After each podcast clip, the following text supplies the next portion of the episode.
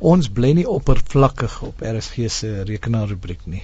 Die oppervlak is maar Microsoft se gedoente. Surface. Surface is 'n oppervlak, né? Ja. Wel daar is 'n uh, dit maak sin as Paul nou begin verduidelik wat is Surface. Dit was ons vraag gewees verlede week. Ja.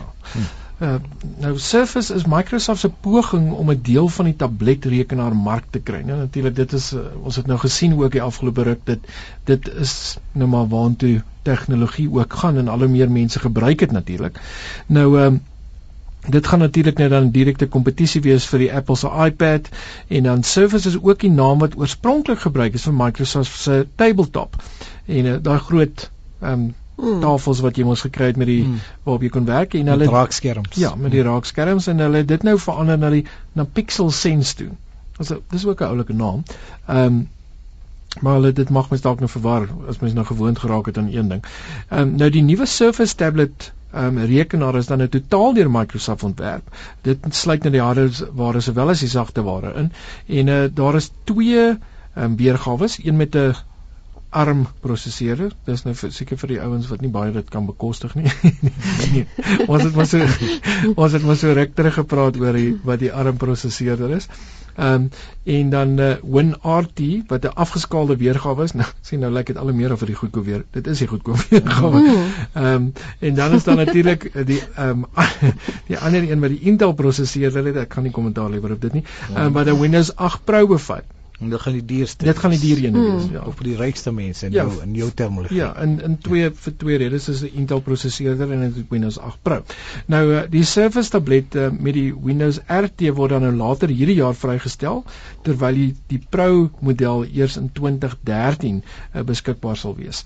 En 'n uh, Surface vir Windows RT beweeg weeg in die omgewing van 676 gram en uh, is omtrent 9.3 mm dik. So heel aanvaarbaar. So jy kan dan 'n uh, USB poort in kry dan. Ja, jy kan jy net. Ja, hy gaan gaan daar's genoeg vir 'n standaard USB poort sowel as 'n micro SD ehm um, slot en uh, dit kom dan ook in 'n 32 GB en 'n 64 GB opsie uit.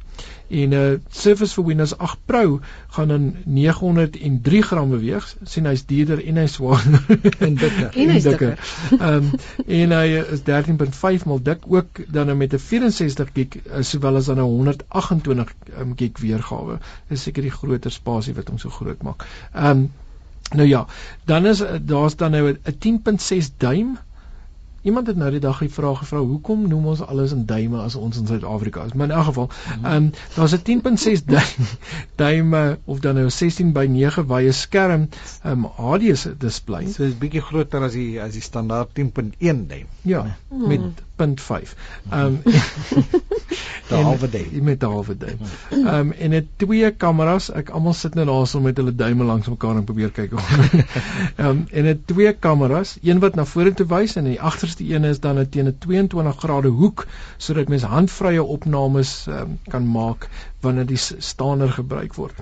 Dan is daar ook 'n touch cover, 'n 3 mm dikte magnetiese cover wat uh, ook as 'n druksensitiewe sleutelbord dien of jy kry dan die 5 mm dikte type cover wat dan nou 'n bewegende sleutel um, word dit vir vir ouens wat die gewone tik gevoel wil hê. So dit Wanneer klink hulle wil skryf. ja wanneer Ja. hulle wil skryf soos Ja, wanneer fakkier hulle ja. wil tik, Ehm nou as uh, ons ons gaan nou seker binnekort dan nou sien uh, of dit nou 'n waardige teenstander gaan word vir Apple se iPad en uh, of dit uh, na die vrystelling of uh, dit dalk moontlik die Zoom ehm um, paadjie gaan loop. Ja, die Zoom was natuurlik Microsoft se Se MP3. se Speler, MP3 uh, ja, ekwivalent, nee. Ek kan Ja. Wat die wat die hele wêreld sou verander, ja, maar maar jy- dit, was nou nie 'n groot verdwyn, dis ja. nie 'n groot sukses nie, Hmm. maar het, as jy nou dink aan die Kinect, dan dink jy nou weer Hmm. hoe groot Ja. sukses dit is, Ja, né? So nee, ons moet seker maar moet sien. weet nooit en ja. Wel al al hierdie goed kom nou uit terwyl uh, maatskappye so Samsung byvoorbeeld omtrent elke paar maande nou net iets nuuts uitbring. Dis reg, ja. Hulle het nou ook hierdie nuwe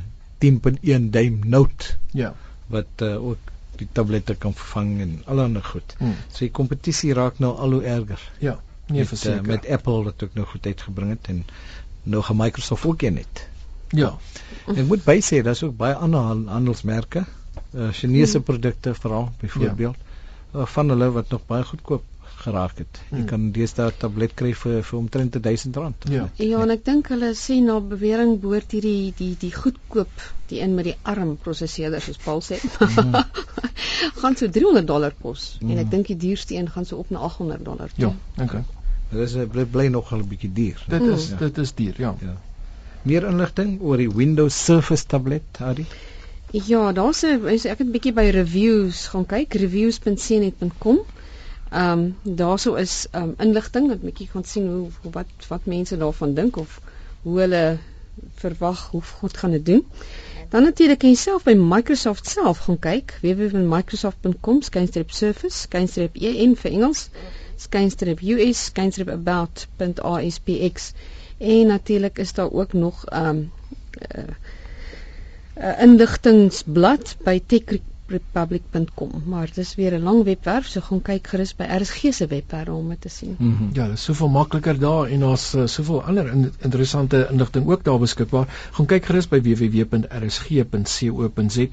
onder Chila tyd na die rekenaarrubriek.